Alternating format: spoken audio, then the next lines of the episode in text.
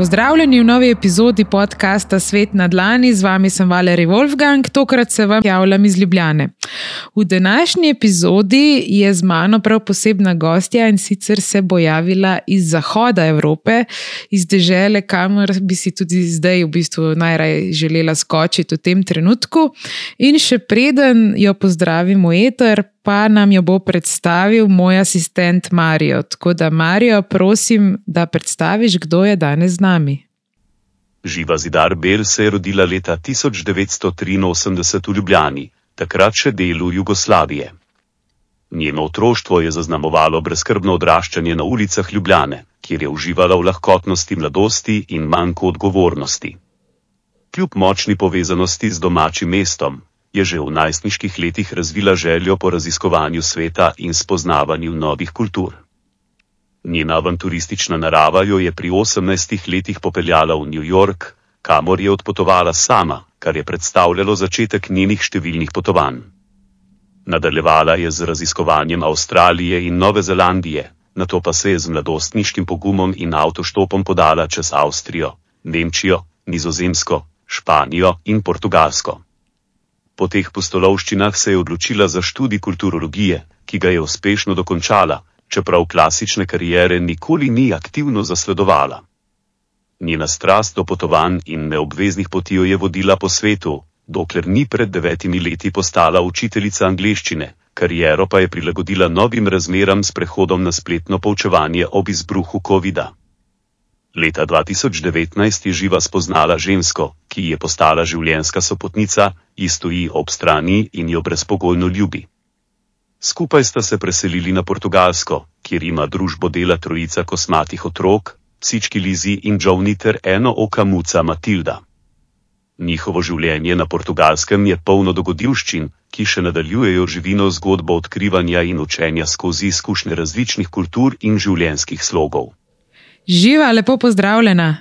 Živijo, Valerij. Ej, kako ti je bilo Kako zdaj si? poslušati tega Marija, mojega is- asistenta umetne inteligence, a je zadev nekako bistvo tvoje esence? Ja, No, zadev je v bistvu vsekakor. Ja. to mi je všeč. Uh, v bistvu par stvari, seveda, ima še težave z naglašanjem, verjetno si ti tudi Ja, toliko bolj prepoznala. Ja. Tako da slovenščina nasplošno še ni tako zelo dobro reprezentirana v teh velikih jezikovnih modelih, imam občutek. Zdaj, ogromno je v tvojih izkušnjah iz te biografije, ki bi rada danes se malo dotaknila, ampak mogoče čist za nek tak začetek, glede na to, da je umetna inteligenca otvorila celo debato. Glede na to, da ti učiš angleščino zadnje čase, a si prišla v svojem delu že kaj v stik s temi tehnologijami? Um, v bistvu se jaz prav uh, držim nazaj od teh najmodernejših tehnologij. Uh -huh. Um, v bistvu vse, kar jaz uporabljam, je uh, Zoom.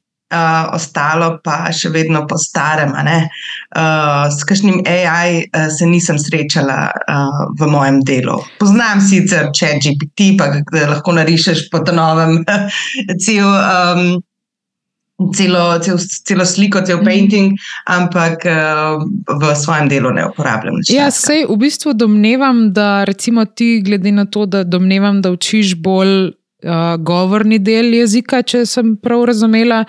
Verjetno je v, tem, v tej fazi še sploh ne mogoče, da bi neka umetna inteligenca prevzela to vlogo. Dejansko rabimo živega človeka za take vrste učenja, ali se mogoče motim. Jo, jaz mislim, da če bo kdaj umetna inteligenca nadomestila ta pravega učitelja, da smo um, kar na slabem. No, to, to, to mi je všeč, da si izpostavila, predvsem, da si rekla, če bo nadomestila učitelja, ker mislim, da pri teh tehnologijah je predvsem to, kar velika skrb, da kar naenkrat ljudje nismo več glavni del tega življenja. Naprimer, svoj čas sem tudi prevajala, zdaj malo manj. Se mi zdi, da, uh, da prevajalci bodo kmalo ostali brez služb, ker, bo, uh, ker jih bo umetna inteligenca nadomestila. To je že, kar, Mhm. smo kar precej napredovali, kar se tiče prevajanja. Poučevanja pa se mi zdi, da moraš dati full sebe noter. Mhm. Um, jaz osebno skrbim, me skrbi, skrbim, sem zavezana za čisto sadska učenca, ki ga imam. uh, čeprav se ne vidimo, čeprav mnogo njih uh, sploh spoznala, nisem uživala nikoli, um, še vedno dam tisti um, osebni. Um, Kako bi rekla, doprinos, se mi zdi, da je izjemno, izjemno pomemben. No, sej, to je pa v bistvu tudi nekaj, kar bi te rada zdaj malo potipala. Marijo je omenil, da si že pri 18 letih bila zelo avanturistična in to je recimo en tak karakteren del človeka, mogoče, ki zaenkrat no, še ostaja v domenu človeštva. Tako da, če sem Marija prav slišala prej, je omenil, da si pri 18 letih že šla. Čez lužo in sicer v New York, in si potovala sama. Zdaj, peva najprej na to izkušnjo. Zakaj si v bistvu takrat, po 18 letih, si želela iti v New York? A si odnegdaj sanjala ali je bilo to nek trenutek čistko na ključja? Mogoče lahko malo več o tem poveš. Um, Prvi bomo zamenjali besedo turist, um, avanturistična z nora. ne vem, kako me je mama sploh pustila, da sem šla takrat sama, popolnoma sama. Še bilo je tik preden sem šla v četrti letnik srednje šole. Um, in to je bilo konec avgusta, in nazaj bi se mogla vrniti.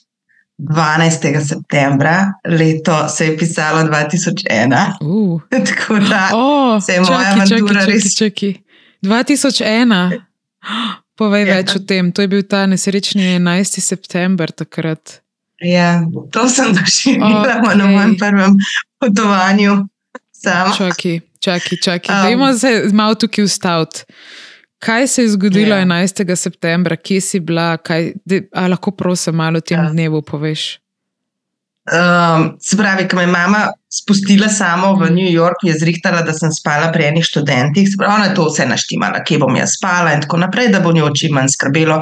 Mobilnih telefonov takrat uh, ni bilo, vsaj ne takih, da bi lahko se iz Amerike pogovarjala v Slovenijo, tako da smo uporabljali stacionarne telefone še takrat. Uh, zjutraj sem se zbudila, imela sem še karto, ne vem kako se že reče, tisti, ki imaš um, največje uh, znamenitosti, ki jih lahko pogledaš. Ne vem, nekih desetih je bilo na, na tisti karti, tisti sem kupila že takoj, ko sem prišla v New York. In ta zadnja sem postila uh, za konec, ki je bil World Trade Center. Mm -hmm. In um, smo se v bistvu pogovarjali z ljudmi, z ljudmi, pri katerih sem bila, da gremo zvečer gor na vrh. Mm -hmm. Zjutraj se zbudim ti dan, uh, kader bi mogel iti, ob ene osmih, prižgem TV, da vem, to bila, mi je bilo v navadi, da sem TV prižgala zjutraj. In mami poklicala in se mi da pogovarjamo normalno, in potem vidim na TV-ju, da so programi kar naenkrat iz nekih normalnih programov, gre vse v novice in kaže, kako uh, avion ko je avion zletel, v bistvu, da je en, en stolp je že bil vdrt. Ker kurja pa utmam, ki to razlagaš, ok. Ja, um, in moja mama, ne, ne, to je to zihar, ki še en film gledaš. Prav spomnim se, da je to rekla. Kmalo se tem svedem, da je to res, ker so se vsi programi spremenili samo v to isto um, uh, zadevo. In Vem, na, na začetku nisem verjela, heca ne bilo, nisem doživela nekega strahu takoj. Mm. Uh, to je potem prišlo za mano. Kmalu so se tudi linije prekinile, tako da z mami nisem mogla več govoriti. Sama sem bila v tisti hiši, ker vsi, s katerimi sem živela, so šli v službo ali na faks. Mm. Uh, tako da sem bila v Hoboknu, v New Jerseyju in Hoboken Park je stal nasproti World Trade uh, centra, nasproti dvojčko. Mm. In sem se odločila, da bom šla ven v park, neka splošna panika je bila zunaj. Vendar sem potem videla v parku nekaj ljudi, ki so stali in samo obnemel gledali. Jaz sem videla v bistvu na koncu samo še dim, oh, uh, nisem videla dvojčko past, ampak je bilo zelo, zelo blizu, um, kar šokantno. Kar šokantno. Nisem sploh ampak, si ne predstavljam. Ja, ja. bila sem, vas, sem rekla, zelo mlada, zelo nora, mm. tako da ne, ni to tako močno vplivalo na me, kot bi lahko. Recimo, mm. Ker sem potem mogla ostati še deset dni in sem jih preživela lepo. Mm. Mislim pa, hvala Bogu, nisi nisem... tudi doživela tako, da bi rekla. Neke neposredne nevarnosti na te, ampak je pa bila to neka mejnica, se mi zdi v svetu, od takrat naprej je vse drugače. Jaz sem ful opazila te razlike, pač, ker sem tudi takrat začela sama potovati in predtem se še spomnim, kako smo na letala hodili čist, ne vem, navaden z uh, bidončki, ne vem kaj, pa so pa s temi tekočinami začeli in dramatičnim tem bojem proti terorizmu, ki se mi zdi, da se pač spet stopnjuje in je spet večja panika zaradi takih in drugačnih stvari. Ampak ja, zanimivo, no, da si bila točno takrat na tistem mestu. In ja, to je neka izkušnja, ki te je tako ali drugače mogoče malenko zaznamovala, vsaj z vidika, da je marsikaj na drugi strani naše varne slovenske deželice. Tako da me zanima, v bistvu, kaj potem po New Yorku, a si si želela zaradi tega dogodka več potovati, mogoče celo si se kaj nazaj, a veš, eh, tako malo zabremzala, ali si že nasplošno si želela videti cel svet že pred tem dogodkom? Če greva čisto malčka nazaj na tvoje uh, vprašanje, v bistvu nisem prav odgovorila, ker si me vprašala, kaj me je mm. zares vleklo v New York. Takrat sem nekoliko. Um, Um, ne vem, kakšna je bila beseda. Vem, da beseda anglofil obstaja, ker si obseden s uh, angliškim. Uh, jaz sem bila amerikofil, ja, sem ameriškim. Zato, zato sem uh, hotela v New York. Potem pa um, v bistvu me to ni zaustavilo od potovanj. Mm. Sploh ne. Vleklo me je še naprej. Imela sem uh, priložnosti v Avstralijo za tri mesece. Mm -hmm. Potem sem spoznala fanta, ki je bil iz Nove Zelandije in smo nekaj časa long distance um, imeli razmerje, živel je v Londonu. Potem je zvedel, da mora nazaj na Novo Zelandijo, me je povabil zraven, tako da sem šla še v Novo Zelandijo za tri mesece. Potem sem postala anglofil in se v bistvu uh, zaljubila v Anglijo, kjer sem tudi živela pol ja, leta, delala v pubu. Ja. V katerem predelu Anglije Čisto. si živela? Blizu Londona, mm. v vasi, ki se imenuje Chalfont St. Giles. Noben ne pozna, še angliži, ko me poznajo. Okay. Ampak vas, uh, luštanje je bilo res. To, imam zelo, zelo fajn spomine tam. Wow. To... Da, ja. No, zdaj se ustavlja tukaj pri Angliji. Najprej, preden nadaljujemo tvoje potovanje dalje, me zanima čista razlika, glede na to, da imaš izkušnje z bivanjem v Ameriki in v Angliji, pa tudi recimo Avstralija in Nova Zelandija. Če se tako malo spomniš za nazaj, kako bi lahko recimo za začetek ločila, ali pa če si opazila, kakšne razlike med ljudmi, ki živijo v Evropi, torej ta anglosaški del, bom tako rekla, malo površno, pa ameriški del. A si opazila mhm. recimo neke karakteristike, ki jih imajo mogoče američani, ki jih pa v Angliji, Avstraliji in Novi Zelandiji ni ali obratno? Moram reči, da ko sem šla v Ameriko, sem bila res, res mlada in ne vem, če sem se osredotočila pravzaprav na to kulturo, dok Mm. Bila sem tak popolni turist z zemljevidom v roki in uh, bom priznala, da se ne spomnim prav veliko. Zdaj vem bolj, za, za kakšne razlike gre. Mm. gre. Predvsem, če se preselim sem na Portugalsko, živim na jugu v Algarve in tukaj je ogromno angližev in tudi američanov. In uh, je, je, je precejšna razlika med Ameriko, pa Anglijo, seveda, s tem, da imajo tudi nekaj podobnosti. Ampak uh, američani so zelo, um, kako bi rekla, white teeth, open smile. vedno se smejijo, vedno je vse ok, vse je kul, cool, vse je tako. Um, taki so brezkrbni, se ti zdijo, v resnici pa mogoče samo ne. ne delijo tega z ostalimi. To, to je moja izkušnja. No, no, tukaj, če nadaljuješ na angliže, ja? bi še malo se vrnil na američane, ki si rekla, da mogoče pa ni vse tako super, kot pravijo. A se ti zdi, da res ni super, ali da oni samo to, to, to tako mene zanima, a ne po svojih izkušnjah. Nisem ja. prišla do konca tega odgovora. Ne vem, ali oni dejansko prekrivajo to neko, recimo, da ni vse ok, pa se delajo, da je ok ali so res tako nekako prepričani, da je vse super. To nikoli nisem uspela priti do dna, ker se mi je po eni strani zdelo, da oni res mislijo, pol, da je vse sunny and perfect all the time. Tako malo me zanima tvoje ja, mnenje o tem. Zanimivo. Um, Hoče pa res je vse, pri njih. Oziroma, se ne, se ne obadajo tako z določenimi stvarmi. Ne vem, ne A, vem. boš mogel ja. imeti kakšnega ameriškega gosta, ki ti bo povedal. Ja, ker bila je, bila je um, z mano Gaja Višnar, ki je igralka v New Yorku in je v bistvu mi Aha. veliko povedala o tem, da. Ja, da tudi pač njena izkušnja američanov je, da so tako odprti, nasmejani. Sicer New York je mal specifičen, ker je mal bolj ta karjerni del razvit, ne za razliko vem, od Kalifornije, kam imam jaz več izkušenj, kjer je pa res vse ja. sončno in popolno vse čas, kljub temu, da so na ulici reveži, ki dobesedno umirajo pred očmi ostalih. Ampak tako nekako ne vem, a smo mi kot ne vem, nek drug narod mal bolj vemo, občutljivi do nekih stvari. Ali sam ne vem, povemo na glas. Zanimivo, kar si rekla v L.A.U., je cel kup prevežal. Vsake tok uh, pogledam, kaj že na intervju s temi, ki so brezdomci in tako mm. naprej. Tudi oni so in tako. A ne, mislim, da je to. Ker uh, zdaj le imam prizor, en, recimo, ki sem ga jaz doživela z ulice, vse jih je bilo ful, ampak glej, ja. ki si to rekla, me je to spomnil na prav specifičnega tipa z ulice. Jaz sem sedela v kavarni in delala na računalniku v nekem, mogoče je bil Starbucks, ne vem. In pred, um, mhm. pred tem Starbucksom je sedel en tip, ki je bil brez čevljev, bosa, ne čist raztrgan, klošar. In je ful ugledoval si moje kolo. Jaz sem s kolesom prišla do kavarne in sem pač nekako dojela, da mi hoče ukrasti tisto kolo zunaj, a ne sam je ful gledal ključavnico, ni mu bilo čisto jasno, kako bo to izvedel. In pol je nekako gotovo, jaz sem bila redi, ne, da skočim ven, pa pač preprečim to krajo, ampak sem pustila mal, da tam voha to moje kolo.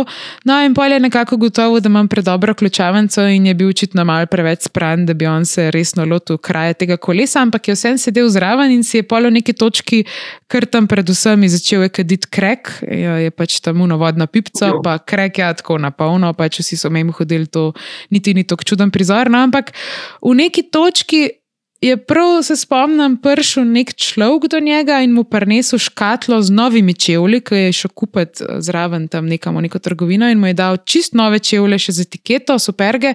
In kot sem razumela, samo iz pogovora, če šipo, ne, nisem slišala točno, kaj govorite, je, rek, je ta oseba rekla: Ja, klej, te čevlje prinesel, da ne proba, da pač mu podarite čevlje.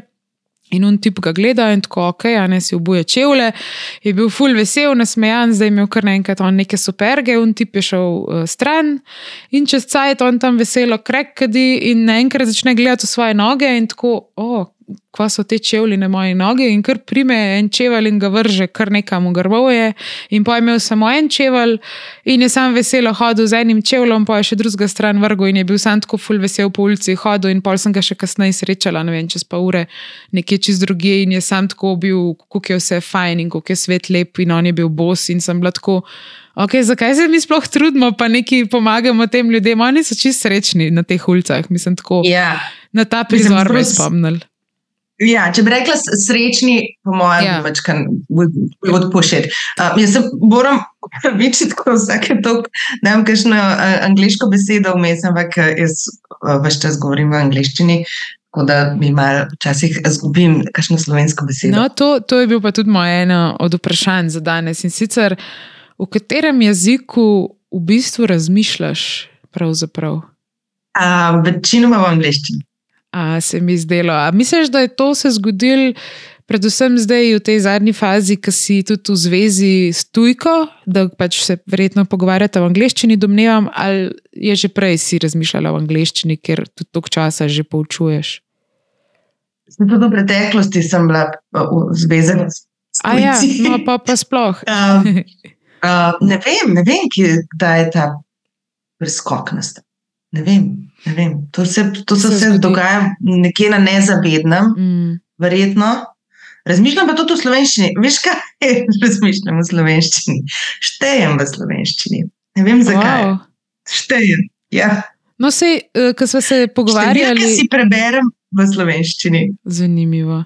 Ko smo se pogovarjali in sem te prosila, če mogoče mi na kratko napišeš par stavkov za Marija, da prepraviš, se spomnim, da si mi napisala kar direkt v angleščini in v bistvu, po mojem, sploh nisi dojela, da je to angliško. Da, veš, po moje je to avtomatsko. Tudi, ja, avtomatsko. Ni, se, iskreno, tudi jaz nisem najprej opazila. Mal imam tudi jaz težave zadnje čase, ker sem itak tudi vse čas v stiku z mednarodnimi ljudmi da iskreno mm -hmm. moram priznati, da malo ne ločem več, ko preberem jezika, je angliški ali slovenski. Tako da to je kar tak zanimiv pojav zadnje čase, se mi zdi, pri naši generaciji, ki smo konstantno obdani v mednarodnem okolju. No. Ja, ja, drži, drži. Ampak se verjetno tudi vidiš.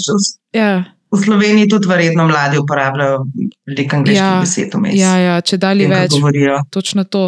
Meni je zanimivo na, tukaj na univerzi, kjer predavam v Novi Gorici, da slišim tudi študente v bistvu kar med sabo govoriti angliško, pa se tudi recimo slovenci samo med sabo pogovarjajo. Tako da je ja, kar zanimiv pojav. Jaz se sama učim portugalsko in se res trudim, da grem ven, da govorim, da, da se sporazumem po portugalsko, ampak le v Algarve regiji je, vsi govorijo angliško. Le toliko tujcev, le so sami tujci. Uhum. Sami tujci. Tako da težko tudi, mislim, doživiš, ne, vse doživiš kulturo portugalsko, seveda, zato mhm. ker še vedno um, je živa. Ampak uh, večinoma v Albuferi, kjer sem jaz, so praktično angliži skozi, mhm. uh, potem so nizozemci, prevalentni, Nemcev je veliko. Uh, ljudje tudi pridejo sem čez zimo, pa pa grejo čez poletje mhm. nazaj v svojo uh, državo, veliko upokojencev. Um, ker so upokojeni, verjetno grejo živeti za pol leta na toplo, pa potem spet nazaj k sebi. Uh, Američanov je tudi precej, Kanačanov. Mm. Ja, zanimiv, zanimiv miks uh, ljudi. No, se zdaj pa moramo definitivno skočiti na portugalsko. Jaz uh, sem živela eno leto tudi na portugalskem, še v času magistrskega študija. In sem mhm. takrat doživela tudi te angleže v penziji. Jaz sem bila v nekem mestu Kaldaš de Rajna, blizu Lizbone, na severu Lizbone. In ja, to je bilo neko, bi lahko rekla, zatočišče za angliške penziče, če tako malo grdo rečem. Ampak ja, so bili zelo prijetni. Takrat sem prvič v bistvu tako malo sploh pomislila na to, če bom jaz nekega dne doživela penzijo, da mogoče pa tudi jaz bi lahko šla na, ta, na toplo na ta način. Tako da se jih prav dobro spomnim. In zdaj me malo zanima najprej. A si portugalsko planirala z nekim posebnim razlogom, ali kako bi se sploh prišlo do tega, da si zdaj na portugalskem, če lahko poveš, Odkje se je ja. pojavila na tvojem zemljevidu? Sem bila bližno, ne vem, sem okrog 25 let stara. Sem šla s prijateljico, leteli smo v Španijo, potem smo preštopali čez Španijo in Portugalsko. Um, in je bilo res fajn. Španija name enostavno ni naredila velikega vtisa. Ne vem zakaj. Um, naleteli smo na ljudi, ki medtem ko štopaš, spoznaš ogromno ljudi. Naleteli smo na manj prijaznih ljudi, kot na portugalskem. Uh mhm. -huh. In uh, to drži. Portugalci so izjemno prijazni, ne tisto fake prijazni, ampak res, res, res srčni ljudje, kar me drži tukaj. No, in so potovali na portugalsko. Smo bili najprej v mestecu Porto Covo, to je Alentežo, regija, ampak čisto morje. Jaz sem se tako zelo ljubila v ti sportokovo. Um, in takrat sem rekla, če bi pa kje živela, bi pa kje živela. Mm. Zakaj mi je blizu Portugalske, zato ker je Evropa? Jaz se ne bi preselila v Avstralijo, Novo Zelandijo, kljub temu, da je krasen, fantastično. Um, meni je Evropa izjemno, izjemno blizu. Se mi zdi, da še zmerni standard življenja v Evropi, uh, da je tudi kar ok. Sploh odkar je Evropska unija, um, se mi zdi, da je kar, kar ok, da prav za pritoževati se jaz nimam. Um, in Portugalska je še zmeraj v Evropi, kar pa je naredil še toliko bolj zanimivo, oziroma kar me je vleklo sem, je to, da je vreme, ki je res krasno. Zime, obožujem zime to, ker ni turistov, toplo je, um, težko pade po zimi manj kot 7 stopinj, vsaj kle na jugu. Um, Ni dežja, kar je mečkan žalostno, zato ker uh, jug Portugalske močno potrebuje dež, vendar je dežja zelo malo. Uh, potem je neskončna obala ob Atlantskem oceanu in uh, tako za dušo pobožati, krasen je klele.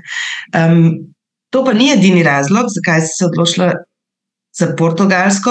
Odločitev je padla strani mene in Noe, moje žene. Noa iz Izraela in je dobila portugalsko državljanstvo. Ne vem, po kakšnih poteh je to šlo, ampak oh. veliko Izraelcev je dobilo portugalsko državljanstvo. Wow. Potem so rekli, najbolj, da so nekaj časa v Sloveniji živeli, potem so rekli, najbolj, da zberemo neko neutralno državo, uh mhm. -huh. kjer nobena od naju ni živela, in sva odšli na portugalsko. Jaz sem izjemno, izjemno srečna, gledaj. Uh, sploh zdaj, ker živiva pet minut peš stran od morja, tako da ni lepše, kot vzeti uh, psa in se sprehoditi do obale in se sprehajati po pesku vsak dan, eh, poslušati, čuči ocean. wow, to, to se sliši res sansko. Predvsem najprej, da se vrnem na začetek tega, ki si rekla, da so Portugalci mm -hmm. izjemno prijazni ljudje.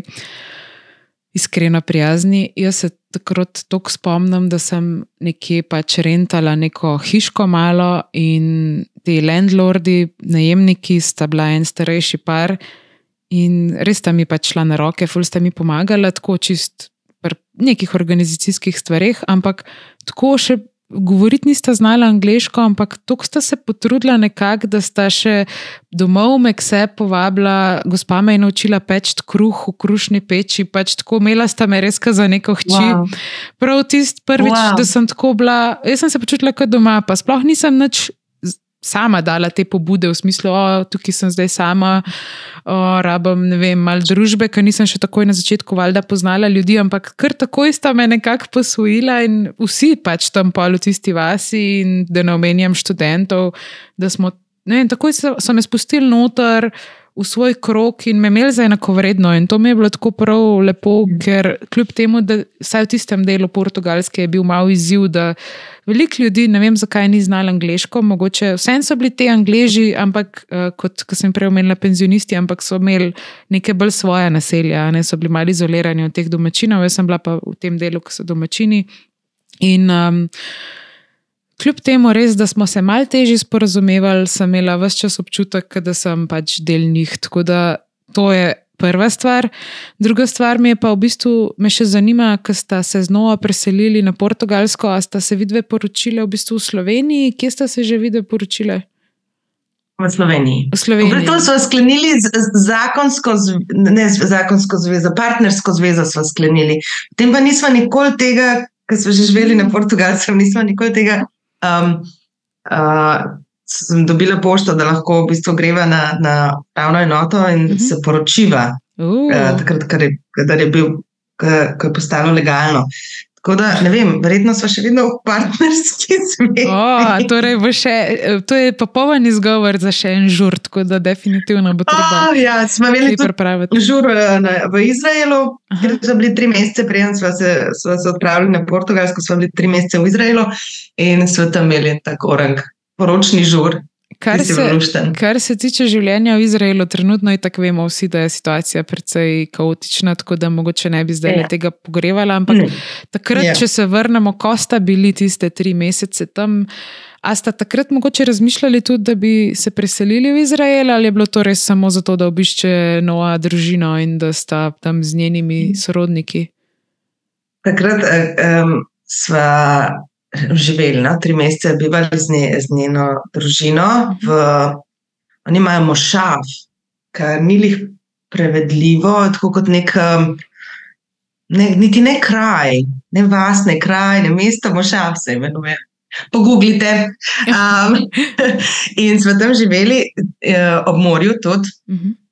Mene to more tako vleče k sebi, uh, in je bilo fantastično. Če Izrael ne bi imel to konflikta z ostalimi Žal. Če ne bi bilo tako konfliktno, ne, ne bom šla v detajle, bi z veseljem živela tam, Mhm. res veseljem, Mhm. ker, je, ker so tudi Izraelci krasni ljudje. Mhm. Tudi, tudi tam sem doživela res, res.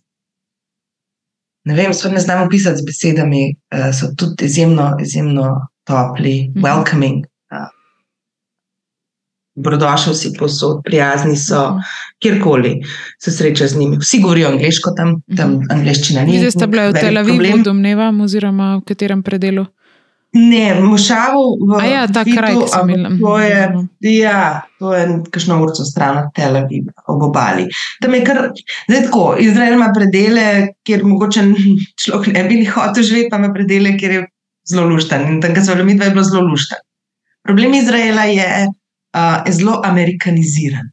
Mhm. izjemno amerikaniziran, um, se vidi in um, je tako dragocen.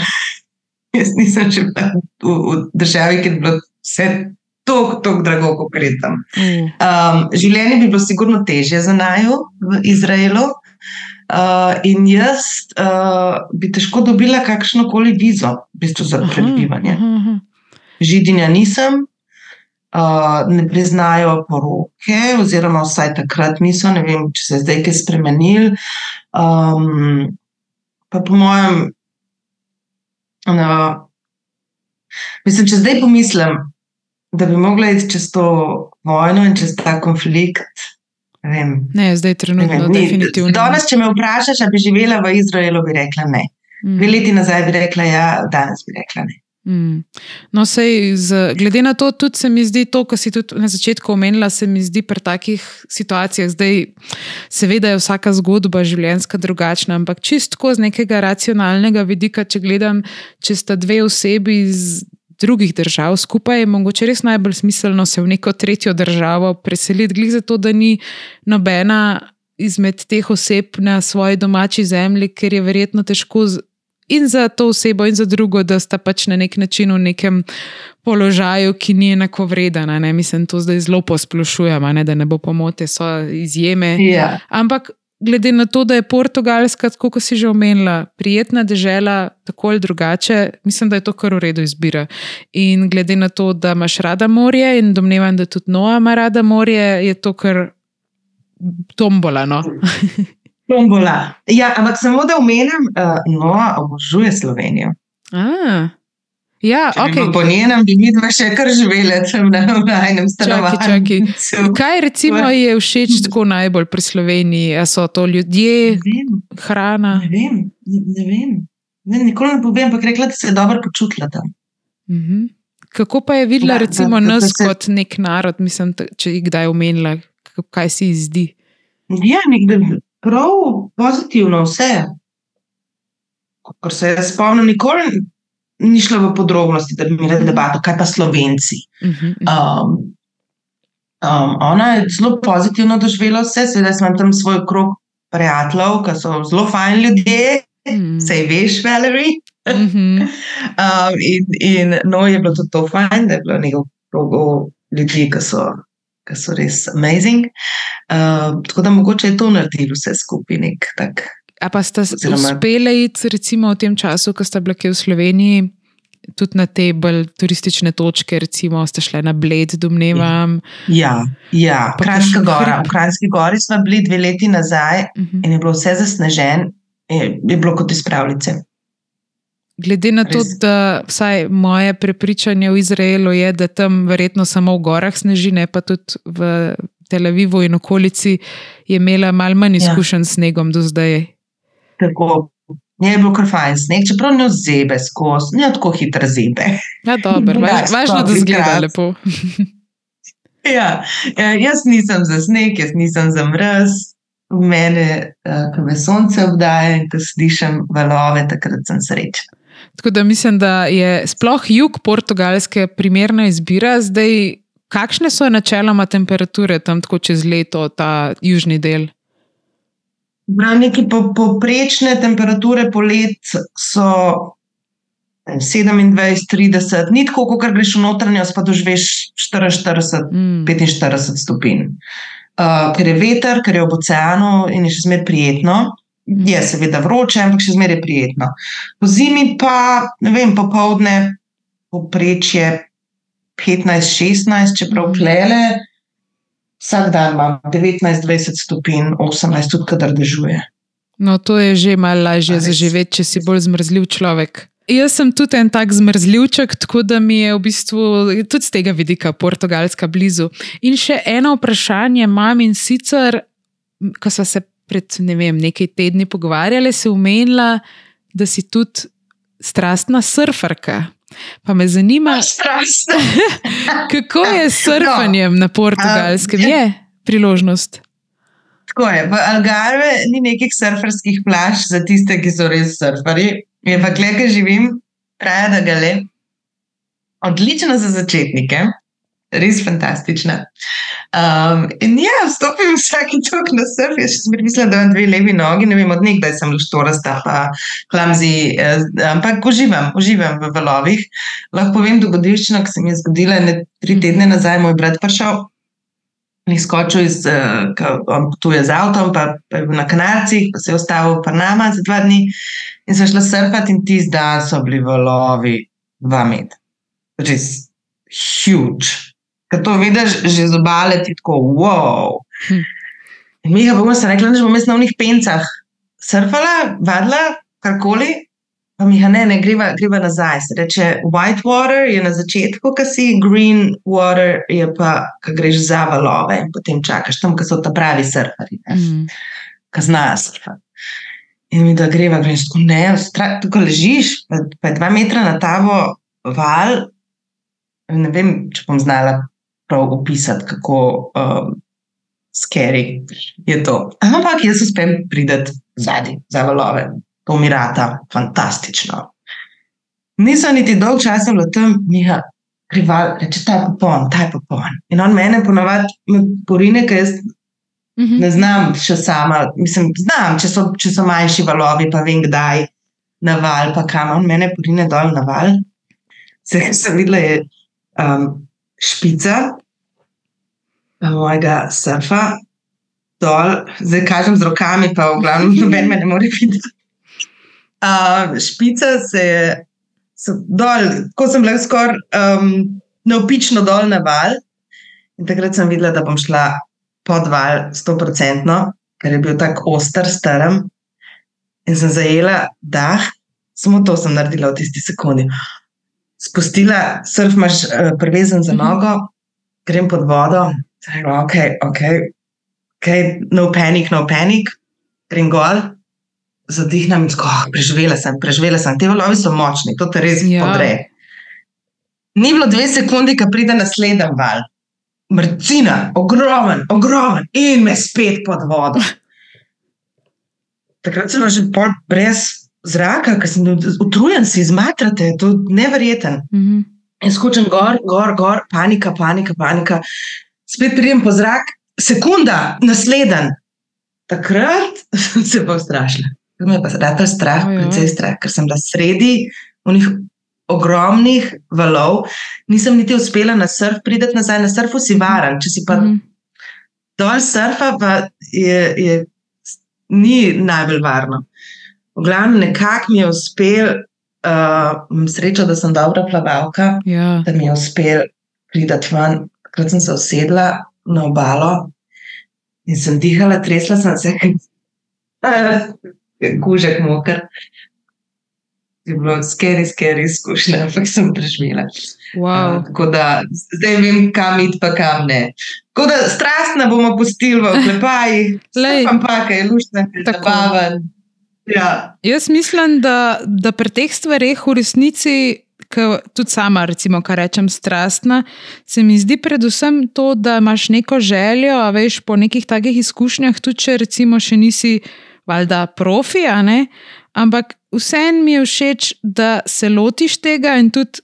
Glede na to, da si sama omenila, vem, da imaš dve levi nogi, čeprav verjamem, da se mogoče tukaj malo podcenjuješ, ker marsi, jaz sem videla že koga, no, tudi kaj je surfal, pa niti do vode ni prišel. Ja, bom, bom, bom definitivno bomo to sprobali uživo, no, ampak to sem hotela reči, da mi je ful všeč, a veš, da si z tega vidika strastna, tudi če recimo nisi profesionalka. Tako da tudi jaz, recimo, sem strastna tekačica, pa tečem po vseh standardih, tako da hodim, veš. Tako da Mi je ja. všeč, da ohranjamo to strast, kljub temu, da mogoče nismo profesionalci, ampak ej, konc koncev, zakaj bi morali vsi vse čas dosegati neke standarde? Meni gre že malo na živce, ko se ljudje vse čas pogovarjajo, ali greš all-in varianta, ne vem, zdaj pa če ne tečeš 4 mhm. minute na kilometr, pa kao, nisi tekač ali karkoli, zdaj če sem že pretekel. Mislim tako, da vsak ne dela, kar ho, ne pač si želi če ima strast do kvačkanja, pa tudi če je brez prstov, nekako bo tisto s kvačko in to je to, tako mislim, moje videnje vsega. Važno Jaz je passion. Um, obožujem ta proces staranja. Jaz sem zdaj 40 let stara, maja 41. Uh. Se mi zdi, starejša sem, bolj sem pametna, to drži, ampak starejša sem, manj se sekiram s to, kaj si drugi mislijo. Točno to. I don't give a, a reces. In uh, kadar se znebiš tega čutka, tega pritiska, da, da me drugi gledajo, kaj si nekdo drug misli zdaj o meni, takrat mm. se pulo osvobodiš in lahko počneš karkoli. Ja? Rekla, ok, surfanje bi nekdo rekel.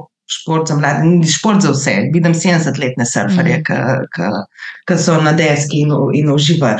Uh, leta nima nič s tem, Kar ima pa leta z vsem tem, je pa to, da se čez čas res uh, nehaš obremenjevati z mnenji drugim, drugih in uh, da počneš stvari z večjim užitkom, z večjim veseljem, z večjo brezkrbnostjo, um, bolj uživaš v stvarih. Vem, vsaj pri meni, ko sem bila mlajša, je bilo vedno hmm. nekaj standardov, da sem hotela dosegati, kar se je meni zdelo, da ko mora biti. To, pa, to je res. Samo uživam. Pa, veš, kaj je tudi eh, jaz, recimo, ki spremljam te tehnologije, pa najnovejši razvoj. Pa to, mislim, da to je znano. Ampak če, če dalje bolj sem tudi sama pozorna na to, da mi je všeč. Kot si rekla, tudi sama, recimo, doživljam zadnje čase, da mi je iskreno res vse. Ampak je pa zelo močen pritisk in vidim tudi pri ljudeh moje generacije, predvsem pa mlajši, no, s temi socialnimi mediji, ker veš, že vedno vsi delajo, mislim, vsi, veliko ljudi dela na tem, da si ustvarja neko kukar portfolio na teh socialnih omrežjih v smislu idealnega življenja, vse smo vsi nagnjeni k temu. In potem, če vsa okolica okrog tebe, recimo zdaj za Valentinovo, veš, sem videla full objav pa ne vem, pelju me je na to večerjo, pet mišelinovih zvezdic, ne vem kaj. In pol, mogoče gremo pa samo na kavo ali pa na burek, in to pa ni dosti dobro. In pol sem kar malo žalostna, kadar ljudje zapadajo v to mišljenje, da če pa oni niso zdaj na istem nekem nivoju teh lažnih novic, konc koncev, ker to so neke vrste uh mhm. -huh. lažne novice. Se pa ful ustvarja neka taka družbena tesnoba, in mi je všeč, da mhm. tako ti razmišljaš, in upam, da marsikdo tudi da bojo tudi prej to, to, ta občutek doživeli, ne šele potem, ko so 30, 40, tudi že pred 20, mhm. konc koncev bi se lahko šli ven iz tega najstništva, ker sorry, to je za me najstništvo. No, na nek način. Ja, samo se morajo določene sprem, stvari spremeniti na nekem globalnem nivoju. Ja. To je smisel, da. da Dokler bomo bombardirani z, z nekimi standardi, mm. ki jih moramo dosegati, se bojo ljudje trudili dosegati. Ja, mislim, mislim da bo kar še nekaj nove in tako naprej. Mm. Zato je, jaz mislim, da je to zato vse več uh, teh um, duševnih obolenj, kot je tesnova, depresija. Ja. Zato, ker, uh, mladi, ker mladi poskušajo dosegati neke standarde, ki pa morda uh, niso v njihovem dosegu. Mm. Um, in ne moreš priti do tega tudi kar čez noč, ker veliko ljudi ja. misli, da ker čez noč se vse zgodi. Um, in malo zaskrbljujoče, da ne vem. Jaz sem, jaz sem tako zelo na nekje, kar se tiče modernih tehnologij. Jaz sem kar skeptik. Mm. Jaz sem kar skeptik. Ja, zelo je to, to, to je zelo pomembno, kar si rekla. To, da je čez noč nekaj. Ne? Karkoli v smislu, zdaj bom imel six-pack, idealen body, to bo nekaj čez noč. Čez noč bom postal milijonar, takoj po diplomi bom imel že svoje podjetje, uh, zvezo, takoj, ko bom spoznal nekoga, ne vem, na Tindru. Če bo bejba huda, zdaj tako malo karikiram. Ja, Bova ja. imela že ne vem, poroko, ne vem kaj, po drugi strani pa ne vem, Tinder je vedno na voljo, bom pač swipe in imel še kakšne ljubice zraven. Vse takoj, takoj, takoj, noben se ne bi nič potrudil. Tudi mogoče, če smo že pri tem Tinderu in dejtanju tako zadnje čase. Sem zelo postala pozorna na to, koliko malo potrpljenja imajo ljudje med sabo, ali med prijatelji, ali med partnerji, če pride do nečesa, si skozi tako, mislim, sploh res te mlajše generacije, da kar jasno vedeti, da eh, se pač pa posvajpam, pa je nekdo drug na voljo, ne? ni več tega Ja. poslušanja, nesplošno negovanja stvari. Res. Vse je Mhm, potrošna roba. mhm. Mhm. Noben se ne potrudi več. Ja, in tudi že tako opažam pri stvareh. Kupam, ne vem, pralni stroj mi crkne po največ, najmanj vem, petih letih, največ petih letih. Ja. Uh, imam pa ne vem, neko mikrovalovno, zdaj malo. Pri mojih starših ima pa mikrovalovno 30 let staro, ki še vedno super dela. ne. Zdaj pa, če bi jaz neko novo si vzela, po mojem, maksimalno pet let, pa mi crkne. ne, pač Ja, to sej, vse sej, na to foro. Baje ugradijo, ugradijo napako, zato da boš uh, kupil noga. No, zato, je sej, to, to, to, zato so tudi popravila tako draga, Mm. mm. deli so tako dragi, zato ker te prisilijo, da kupiš novo. To je pa pač kapitalizem, ja. o katerem bi jaz lahko razpravljala zelo dolgo. no, Uh, Zdaj me, glede tega, me pa malo zanima. Jaz takrat, ko sem bila na portugalskem, se spomnim vsem, da je bila kar močna ta skupnost, ne vem, second hand, pa da si ljudje pomagajo in popravijo. Mogoče je bilo samo to v tistem predelu, ko sem bila jaz.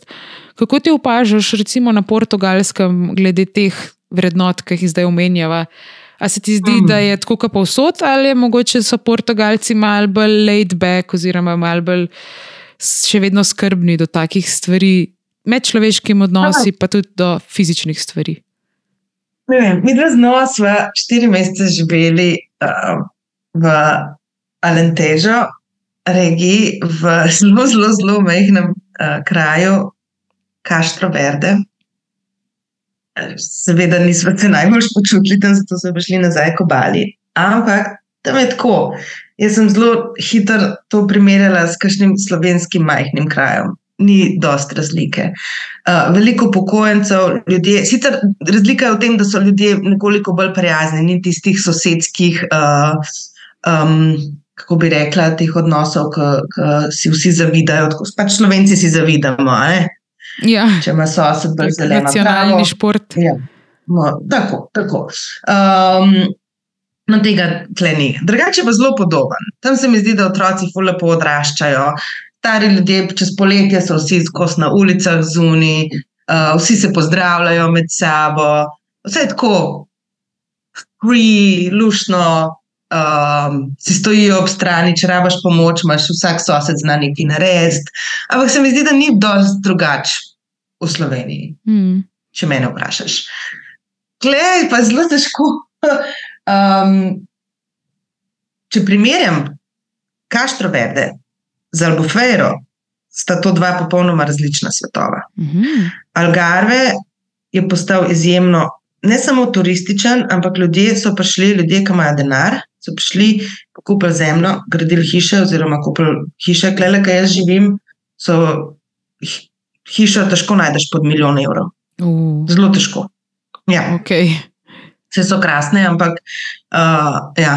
in je življenje postalo izjemno drago. Portugalska je naredila Golden Visa, to je se pravi za tiste, ki imajo, ne vem, ne vem čisto točno, ne vem, če, si, če imaš več kot 500 tisoč, pol milijona na računu, oziroma če kupaš kle nekaj, dobiš neko vizo. Zdaj so to prekinili s tem. Zaradi tega, ker so ljudje prišli, bogataši, pokupili vse, uh, pokupili so potem stanovanja in zdaj jih oddajajo, da na tem Mhm. služijo. Najemnine so vrtoglavo visoke. Kle so vrtoglavo visoke. Lizbono so označili za, za evropski San Francisco. A res? Bolano je, kar se Čak, to se je dogaja. pa zelo spremenilo, odkar sem, jaz sem bila Ja, od 2017. covida dalje. A, ok, Covid. ja, ja. Uf, Zato, ker je hotela m, država oziroma vlada kle nekaj narediti, glede na to. Hotela je privabiti turiste, basically, uh, zato da bi več denarja not prišlo, zdaj sicer so privabili turiste, to, da, da poleti je kar Ko moraš malo potrpeti dva meseca poleti, da se potem vsi spokajo spet. Um, in je, je problem, je nastal problem, pritožujejo se tisti, ki pridejo sem, ki bi radi živeli, uh -huh. uh, Portugalci tudi, uh, najmnine so tako, tako visoke, da je. Moš imeti prav srečo. Mi dve znova smo imeli ogromno srečo, da so našli to stanovanje tu. Um, Domnevam, da je vse Airbnb. Vse, vse. In zdaj je tudi v bistvu prišel zakon, rečejo tukaj na portugalskem aložamento lokal in to je tako, kot nek, da imaš. Uh, samo za, za kratkoročno oddajanje. Uh mhm. -huh. S tem, da so dolgoročno oddajanje tudi več obdavčili, ne vem, 28% davka moš plačati, če long term oddajaš, kratkoročno pa 4%. Sam, da ne moreš tega dati potem v tax return. Mhm. Um, dolgoročno pa lahko, ta razlika je. Mhm. V glavnem, stvari so se spremenile, ampak se mi zdi, da zdaj se počasi spet spremenjajo nazaj. Oziroma, vlada je ugotovila, da so za J. In um, se, se zdaj počasi, uh, se mi zdi, da hoče narediti nekaj, da bi to nekako stabiliziralo vse skupaj. Bomo videli, kako bo v prihodnih letih. Joj, to, um, to pa mene skrbi, ja. recimo, ker Slovenija to tudi dajo promocijo. Vse jaz razumem, da je turizem pomemben in da, da pač vse promoviramo, ampak skrbi me, ker dajemo denar za promocijo turizma, predvsem v teh ogromnih državah, kot so Kitajska in ZDA, in to, ker se mi mhm. zdi, da če dobimo tak naval. Tok velikih držav, ki so tako večje kot Slovenija, da je to lahko zelo negativen efekt. Mislim, že zdaj se v Ljubljani in tudi v večjih mestih dogaja, da so najemnine, glede zaradi tega, totalno previsoke za nas. In to, to mi ni v redu. No? In tudi ne, ni mi všeč, da pač so vsa mesta tako preplavljene, da domačini sami ne moremo živeti. In Ne vem, no, zakaj so te napake, vse so svetovno znane napake, po celem svetu imajo male države in mala mesta, potem konec koncev več težav kot koristi. Sem zelo zaskrbljena, no, ko vidim strategijo turizma Slovenije. Pač razumem, da mora biti turizem, ampak jaz bi rešila bolj na ta butični sistem, magar uh -huh. za mhm. male skupine, naj bo dražje, naj bo pač bolj specifično orientirano in se najti ta niša, ne pa neko masovno letenje nekih ja. čarterjev. Mislim, isto se bo zgodilo. Problem je, problem je v denarju in v tem, da pač um, hoče, hoče država denar v svoje blagajne. Ja, pa... In to ja. je edini način, kjer bo več denarja. Zdaj, Če bi uporabili tvojo idejo, verjetno ne bi bilo tako ja. lukrativno, kot kar. Um, dokler ta nek mass tourism. Ne vem, klej je žalostno. Mm. Slišim od, od domačinov, da so bile včasih ribiške vasice, ki so zdaj postale, postale mesta, praktično kraji, večji kraji. Um, Prej pa samo vas. No, se, ja, mene prav zanima, si želim res v kratkem na Portugalsko, rada bi šla do tiste vasi, kjer sem jaz živela, po moje, glede na to, da mhm. se je vmes zgodil ta COVID, ki si ga tudi omenila, se je marsikaj spremenil. In tudi, čisto, če grem na ta COVID, ti si ravno v času COVID-a, kje si v bistvu živela takrat, ko se je začela ta pandemija? 2019 sem delala v Cambridgeu, kjer sem spoznala novo. In potem smo znova neki long distance, potem pa smo se odločili, februar, predvsej smo se zalubili in se odločili februarja 2020, da pride ona uh, enomesečno probo k meni uh -huh. uh, živeti za en mesec, da vidiva, če nam to vrata, če smo kul cool za skupaj in tako. Ne, uh -huh. ne moš vedeti. In ko smo bili tu skupaj, je bilo fantastično. Um, in seveda smo tako, ja, nekaj moramo narediti, glede tega, da bo lahko skupaj živela. Ona pač ni iz Evrope, ne moreš kar prijeti. Ima tri mesece v državi, potem mora pa ven spet za tri mesece iz Unije. Um, ko se je ona vrnila, že takrat, februar, so mi dobrali neke novice, da je nek ta COVID. Kaj, kaj je ona šla, takrat smo zelo hitro mišli v karanteno. Pa se je vse zakompliciralo, tudi glede na jo in tako naprej.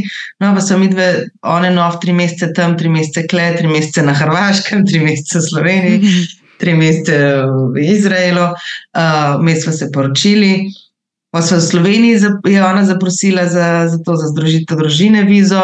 So, uh, Slovenije, Paksus, kar se tiče teh uh, upravnih enot, mm smo čakali, čakali, čakali, nič od nič, noben ti ne pomaga. In takrat smo se mi dve potem uh, rekli, da greva na Portugalsko. Ona je dobila vmes pasport portugalski. Oktobra, 19. oktobra lani smo napakirali v avto stvari in se odpravili. In sva krat In hvala Bogu se je potem tudi ta pandemija mal izpela, no, ker ja. takrat ja. je bilo res že vse. Tudi jaz sem to doživela kar precej dramatično z vidika, da sem bila mm. v Nemčiji takrat in nisem mogla v Slovenijo tri mesece, ne vem kaj. Ja. Ampak zdaj, če nadaljujem to vajno zgodbo, nekaj ste šli na Portugalsko in zdaj ste se tam zasidrali. Zdaj mi povej, še preden zaključiva, ker naj ura mal preganja o vajenih treh mhm. kosmatih otrocih. To mi je čisto noro, kako uh, sta si zdaj razširili dom. To je bilo v bistvu zdaj v zadnjih, kaj bi rekla, dveh letih. letih. Ja, zadnjih mesecih. Uh, prišli, smo Porto, prišli smo na Portugalsko z Lizi, na eno prvo psičko, uh mhm. -huh. kaj mali nemški špic. Uh, in potem, ko prideš sem, vidiš uh, tudi ta problem, ki je. Uh -huh zapuščenih psov, psov na, na ulici, je tako kržalosten. kržalosten. Pa vidiš, kako se uh, pridejo tujci in potem posvajajo te pse na veliko in jim rešujejo življenje. Uh, maja ali junija lani pride nova sprehoda z Lizi in drži v rokah in skoraj da ne joče. Z malo, malo mučico, če je bila mehna, shirana, same kostke so jo bile in učki, či zalimani, gnojni učki, jo pogarijo. In, mm. no, gleda mene in jaz gledam na muco in jaz sem jih delala tisti čas in se rekla, da peljo, peljo veterinarijo, ni več kaj, peljo veterinarijo. So izpucali učke, en uček je bil čist fuč, se pravi, ne, mm. ne, ni deloval več, drugega so nekako na pol, nekaj ja, z, z antibiotiki, pa s kapljicami, tako, da ima še mrenice čez, no, ampak neki vid. Uh, in svojo nač, uh, nurse to health, da je postala zdrava, in seveda so jo obdržali že takoj prvi dan, so vedeli, da bo najna. Jaz sem rekla, Matilda, Matilda. To so rekle moje, moje ime za živali, uh, Matilda. Um, in je muca postala hitra Matilda, krasna, krasna. Srka, torej. Taka strki taka strklanka, lupika, res. Uh, smo operirali učka, par mesecev nazaj, tako da je brez očesa zdaj in je super. Muca. No, potem pa, ko smo bili še v Kaštro Verde.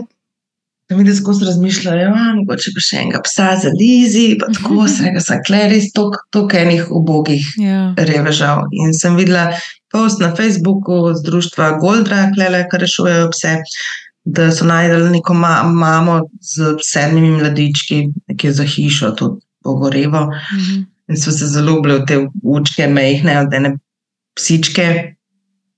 In prideva pogledat, tja, kaj je bila, pa, kaj je nek foster mom, um, je imela te mladiče in je bila še v zadnjem, v bistvu. Vse so oddali, razen nje, mečka je bila najmanjša v, v leglu. Ušeska je imela pogrizana, je rekel veterinar, da verjetno so ji podgane uh. zgrizle ušesa, kaj je bila mehna, uh, ložka na crk. In neč rekli, štaj da bo. In so vzeli še to pošastko majhno, ki zdaj trenirava na polno, da bo pridem pas, kot da ste. Malo bo pol leta stara. In ja, da smo happy family, se mi dve bi še kar posvajali, pa ti se finančno ne morajo prvočati, niti prostora nimala. Ja. Ampak, eh, ja, ki si klele, je tako, velikrat vidiš, kar, kar vzel z ceste. Človek, kar najraš, kar vzel žival. Ja, jaz se spomnim tudi, ja, to pa se tudi sama spomnim. Takrat, že ko sem bila na portugalskem situacija s psi, pa mački, tako le mhm. brezdomnimi, je bila že takrat izjemna problematika. In v bistvu, zdaj, ko razmišljam, prvič, da sem prostovoljno hodila sprehajati pse v zavetišče pasje, je bilo ravno na portugalskem. V bistvu mhm. mi je prav pasal, ker sem dokaj blizu enega zavetišča živela in sem pol pomagala mal. Pač te kuške mhm. sprehajati občasno, je tudi meni pasala mal družba, pasja.